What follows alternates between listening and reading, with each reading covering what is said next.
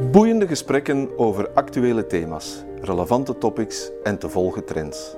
Welkom op de Vlaio-podcast waar ondernemers en hun netwerk een stem krijgen, hun plannen vorm en hun ambities een klankbord.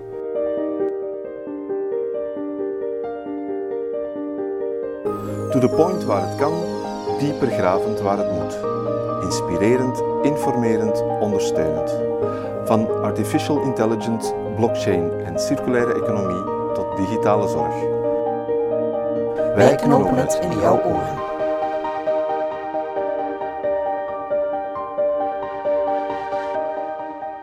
In onze gezellige studio in Leuven ontvang ik vandaag Daniel Verlee, afdelingshoofd Relatiebeheer Ondernemingen bij Vlaio. Met hem wil ik het uitgebreid hebben over het boek Klimaatschok van econoom Geert Noels. Welkom Daniel. Bedankt voor uw uitnodiging, Werner. Misschien eerst kort even iets over jezelf, Daniel. Wat houdt jouw functie als afdelingshoofd Relatiebeheer Ondernemingen bij Vlaio precies in? Ja, ik ben verantwoordelijk voor de afdeling die binnen Vlaio het rechtstreekse aanspreekpunt voor de ondernemer is. We helpen op klantvriendelijke wijze ondernemers groeien door hen te informeren en te adviseren. Dat doen we met ons contactcenter, dat wegwijs en eerste lijnsinformatie biedt. Onze dienstacquisitie, dat samen met FIT buitenlandse bedrijven in Vlaanderen wil doen investeren. De persoonlijke begeleiding van bedrijven met het team bedrijfsrechten. De één-op-één begeleiding van ondernemers in mode en design met Vlaanderen IC. De toeleiding van bedrijven naar Europese steun in samenwerking met Fonds Wetenschappelijk Onderzoek door het team NCP, National Contact Point.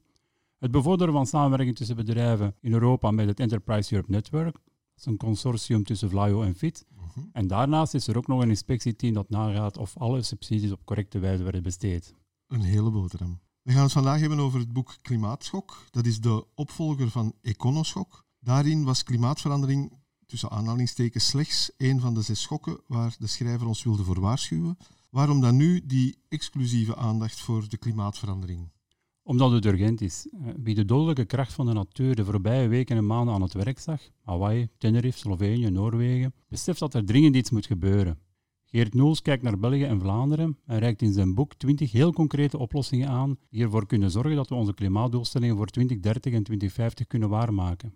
Wat ons als Flyo nauw aan het hart gaat, is dat innovatie daarbij een heel belangrijke rol speelt. Opvallend is ook dat de schrijver klimaatverandering niet alleen als een milieuprobleem ziet, maar vooral ook als een economisch en sociaal vraagstuk. Dat is, begrijp ik, waarom de auteur helemaal geen voorstander is van degrowth, wat her en der als de oplossing van het klimaatprobleem gesuggereerd wordt. Ja, degrowth, ook wel ontgroeien genoemd, is een economische en sociale beweging die pleit voor het bewust verkleinen van economische activiteit en consumptie om ecologische duurzaamheid en menselijk welzijn te bevorderen. Eh, volgens houdt dat geen steek hè, en gaat de beweging voorbij aan de kracht van het menselijke vernuft. Hij ziet vooruitgang niet als een probleem, maar als de oplossing. En hij illustreert dat met twee voorbeelden. Zowel tijdens de bankencrisis als tijdens de covid-periode daalden onze economische activiteiten behoorlijk brusk. Vanzelfsprekend daalde de CO2-activiteit ook, maar eerder marginaal. Dat zou betekenen dat we nog veel drastische economische activiteiten zouden moeten afbouwen. Dat zou een sociaal bloedbad veroorzaken. Daartegenover stelt hij dat recente periodes van economische groei de CO2-uitstoot bleef dalen. Hij pleit dan ook voor regrowth, anders groeien. Door economische groei los te koppelen van CO2-uitstoot. Door gedragswijzingen stelselmatig aan te sturen en oplossingen te stimuleren. Moeten we dan de CO2-producerende industrie afbouwen? Nee, dan breken we de ruggengraat van onze samenleving, zowel in de primaire als de afgeleide tewerkstelling. Innovatieve spillovers over andere sectoren enzovoort. Wel moeten we erop toezien dat die industrie in elektrificeren, vergroenen, duurzamer, dat we die ook duurzamer maken.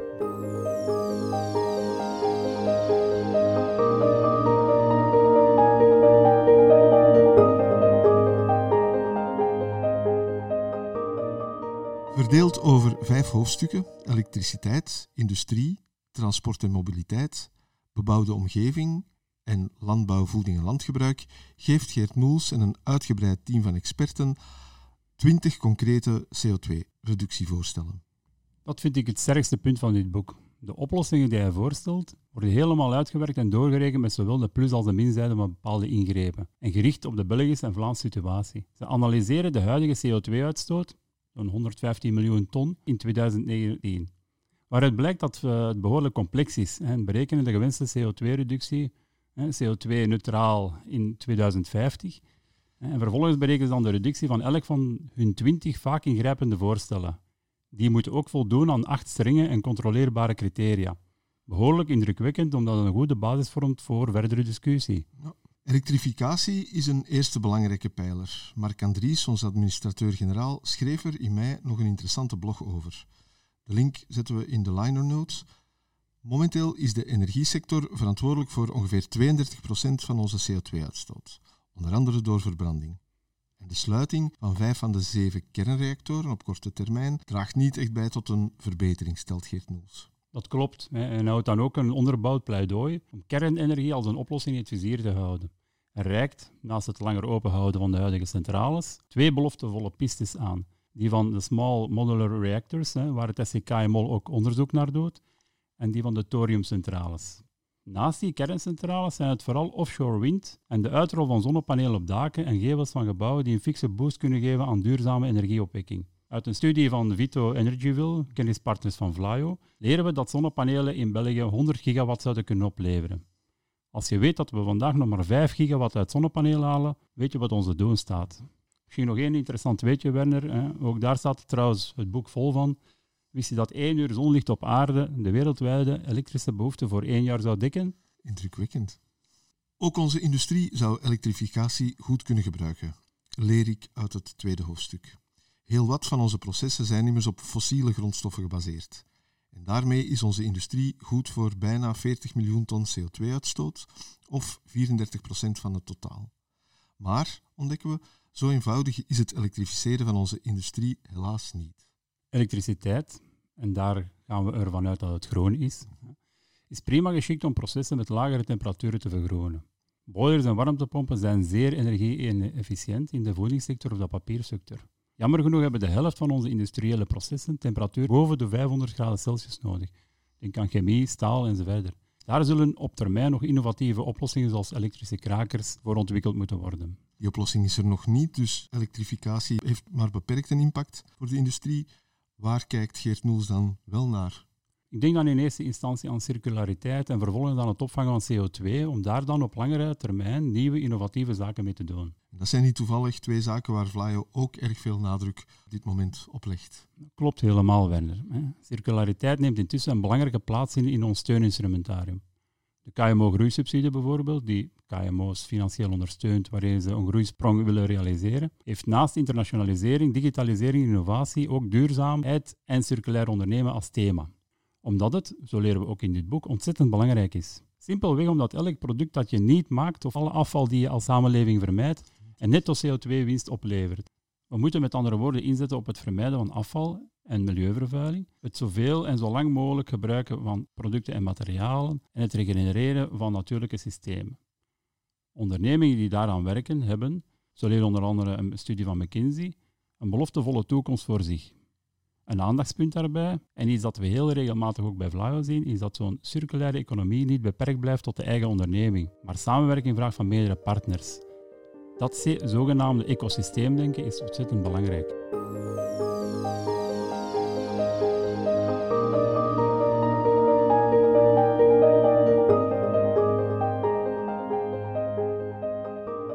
Dat thema van samenwerking komt ook op heel wat andere plaatsen in het boek terug tussen bedrijven, maar ook tussen landen, internationaal samenwerken. Niet iedereen voor zichzelf, maar samen. Een mooie, inspirerende boodschap. Maar vooral ook een economisch realistische Werner. Goede voorbeelden zijn de captatie van CO2. We hebben het relatieve geluk hè, dat producenten van CO2 zich in België concentreren rond onze havens, Antwerpen en Gent, de zogenaamde puntbronnen. Daar loont het om de CO2 aan de bron, de schouwen dus, op te vangen. Maar wat doen we daar dan vervolgens mee? Voorlopig is de meest realistische oplossing om de CO2 ondergronds op te slaan. In België is daar helaas geen mogelijkheid toe. Maar Nederland en de Scandinavische landen beschikken wel over opvangcapaciteit. Met hen zullen we dus moeten samenwerken. Tegelijk is CCS, Carbon Capture and Storage, slechts een transitieoplossing voor Geert Opslaan er niets mee doen kan niet het finale doel zijn. CCU, Carbon Capture and Usage, is de betere oplossing, waarbij de koolstofopvang gebruikt om er bijvoorbeeld e-brandstof mee te maken. Beloftevol, maar we zijn er nog niet. De regelgeving ontbreekt voorlopig, ook DAC, Direct Air Capture, waarbij als het ware met grote stofzuigers CO2 uit de lucht haalt, lijkt de mogelijkheid om ons CO2 te doen dalen. Tot het zover is, zullen we het moeten inzetten op opslag van CO2. Dat klinkt allemaal behoorlijk complex en dat maakt het wellicht ook moeilijk om met goede oplossingen te komen. Alles hangt samen met alles En dat geeft vaak ruimte voor discussie. Neem nu nog maar de elektrische wagen. Hoe duurzaam is die dan precies? Als het proces om de batterij te produceren veel meer energie vergt, of als de grondstoffen in die batterij zo zeldzaam zijn? Leren we daar iets over bij Geert Noels? Toch wel. Als je alle plussen en minnen in rekening brengt, blijkt een elektrische wagen vanaf 30.000 kilometer duidelijk duurzamer dan één die op fossiele brandstof rijdt. Die berekening kan je in het boek nalezen. En er is meer. Je kan je elektrische wagen ook stroom aan het netwerk laten terugleveren op momenten dat je hem niet gebruikt. En onze toenemende elektrificatie zal dergelijke flexibiliteit van afname en teruggave goed kunnen gebruiken.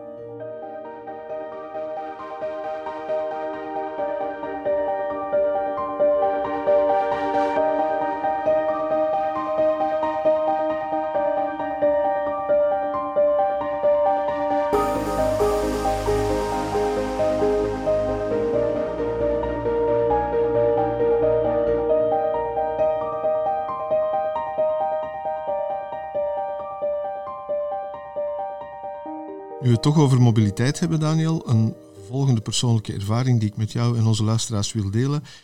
Ik wil graag een citytrip naar Rome met mijn gezin. Ik wil dat graag met de trein doen, niet enkel omwille van de duurzaamheid, ook om die ervaring van wat trage reizen aan mijn kinderen mee te geven. Alleen, de kostprijs van mijn ecobewuste plan is dubbel zo duur dan een snelle vliegtuigtrip. Dat is toch moeilijk verkoopbaar? Geert Noels maakt dezelfde bedenking en wijt het voor een groot deel aan het niet belasten van kerosine. Dat is een beslissing die dateert van 1944. Dat zou moeten teruggedraaid worden om een gelijk speelveld met andere transportvormen te creëren. Tegelijkertijd wijst de schrijver erop dat om luchtvaart, maar ook scheepvaart CO2-neutraal te krijgen, we alle fossiele brandstoffen moeten vermijden. Daarvoor is dan weer een hele innovatieve mix van nieuwe technologieën nodig. Elektrisch vliegen kan enkel voor kleinere vliegtuigen. Vliegtuigen op waterstof zijn dan ook niet interessant voor de lange afstanden. En biokerosine heeft wel potentieel hè, uit reststromen van landbouw en industrie, en e-kerosine, dat staat ook nog maar in de kinderschoenen. Dat is allemaal boeiend en heel veel informatie, maar tegelijkertijd ook heel high level. De vliegtuigindustrie kan, de landbouw moet, de industrie zou moeten. Vertelt het boek ook iets over wat ik als individu kan of moet doen? Toch wel, Werner. Hè? Zij het eerder sporadisch. Zo kan je in het hoofdstuk over voeding lezen waaruit de ideale voedingsmix bestaat om je voetafdruk klein te houden. Daarin is dan plaats voor één stuk rood vlees per maand, twee stukken kaas per week, kip en varkensvlees met mate en dat volstaat dan als klimaatdieet. Mochten we dat met z'n allen doen, dan besparen we al 7,5 miljoen ton CO2. Ook rond het energiebewust renoveren van je woning. Ons huidige gebouwenpark is allesbehalve energiezuinig. Lees je interessante dingen. Maar je hebt het punt. Hè. Dit boek kijkt naar het grotere plaatje. Wat moeten we dan als land doen om onze klimaatdoelstellingen te behalen op een realistische manier?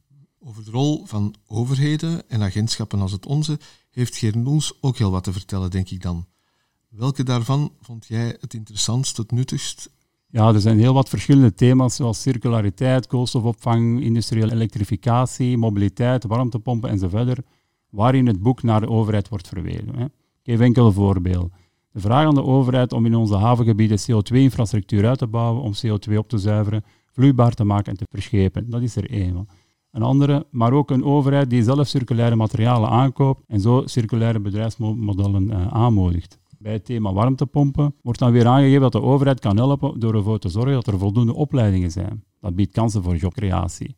Trouwens, op dit moment is ook Flyo aanbieders van opleidingen industriële warmtepompen via een overheidsaanbesteding om ook op die manier uh, opleiding te kunnen verzorgen. En bij het thema elektrische voertuigen wordt gepleit naar oplossingen voor de aanvoer van grondstoffen voor elektrische wagens. Dit door enerzijds fors meer te investeren in onderzoek naar alternatieve materialen. En ook hoe kunnen we ervoor zorgen dat goedkope uh, batterijen, dat we die ontwikkelen, waarin de kritische grondstoffen vervangen worden door grondstoffen die we al veel in Europa vinden. En anderzijds door onze Europese circulaire capaciteit meer op te drijven. Urban mining is een belangrijk concept. Het recupereren van de belangrijke materialen uit elektronisch afval dat in Europa circuleert.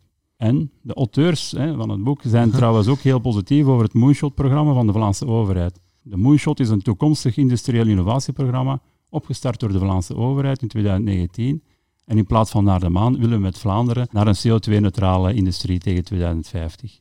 Samengevat de urgentste zaken die volgens het boek de overheid kan nemen, massaal investeren in publieke laadpalen, batterijonderzoek ondersteunen, het eigen wagenpark elektrisch maken en fiscaal stimuleren, en ook moeten we de circulaire capaciteit in Europa serieus opschalen, zodat we over een robuuste aanvoerketen voor grondstoffen kunnen beschikken. Er staat heel veel in het boek en we kunnen helaas niet alles in detail bespreken in het bestek van deze podcast. Een minder opvallend item zou ik toch nog even willen aanraken, omdat we ook daar als agentschap op inzetten. Duurzaam waterbeheer en de waterscan die we als Flyo aan KMO's aanbieden. Kan je daar nog iets meer over vertellen? Jazeker. Eh, Vlaanderen wordt internationaal beschouwd als een regio met een ernstig watertekort. Dit werd nog eens bevestigd door het recente rapport van het World Resource Institute. Redenen zijn onze hoge bevolkingsdichtheid, de toename van de verhardingsgraad en onze waterintensieve industrie en landbouw. Begin 2023 lanceerde Vlaio de gratis waterscan voor KMO's. Vijf adviesbureaus werden geselecteerd met de ambitie om voor eind 2025 in 300 ondernemingen een waterscan uit te voeren. Bij deze dus mijn oproep om bedrijven die jaarlijks meer dan 500 kubieke meter water verbruiken, die de waterscan te laten uitvoeren. Wat zijn tenslotte enkele persoonlijke indrukken die je hebt overgehouden na het lezen van Klimaatschok? Daniel, welke ideeën uit het boek hebben jou het meest geraakt of aan het denken gezet? Dat iedereen moet bijdragen tot de beperking van de CO2-uitstoot. Zowel de industrie, overheid, landbouw, maar ook de burger zelf. In het boek heeft het klimaatdieet trouwens de grootste impact om tegen 2030 7,5 miljoen ton te besparen of 6,5% van de totale Belgische uitstoot. Hiervoor, zoals reeds aangegeven, iedere Belg maar twee keer per maand rund mogen eten, maar twee keer per week kaas, zoals reeds aangegeven. Tweede, tegen 2050 zou de grootste bijdrage geleverd worden door de elektrische voertuigen, met een impact van 18 miljoen ton CO2 of een reductie van 14,1%. Het is vooral ook goed vast te stellen dat de Vlaamse overheid en Vlaio al maatregelen uit het boek aan het nemen zijn. Heel erg bedankt Daniel voor jouw interessante bijdrage aan onze podcast. Hopelijk tot gauw nog een keer in onze studio. Graag gedaan, Werner.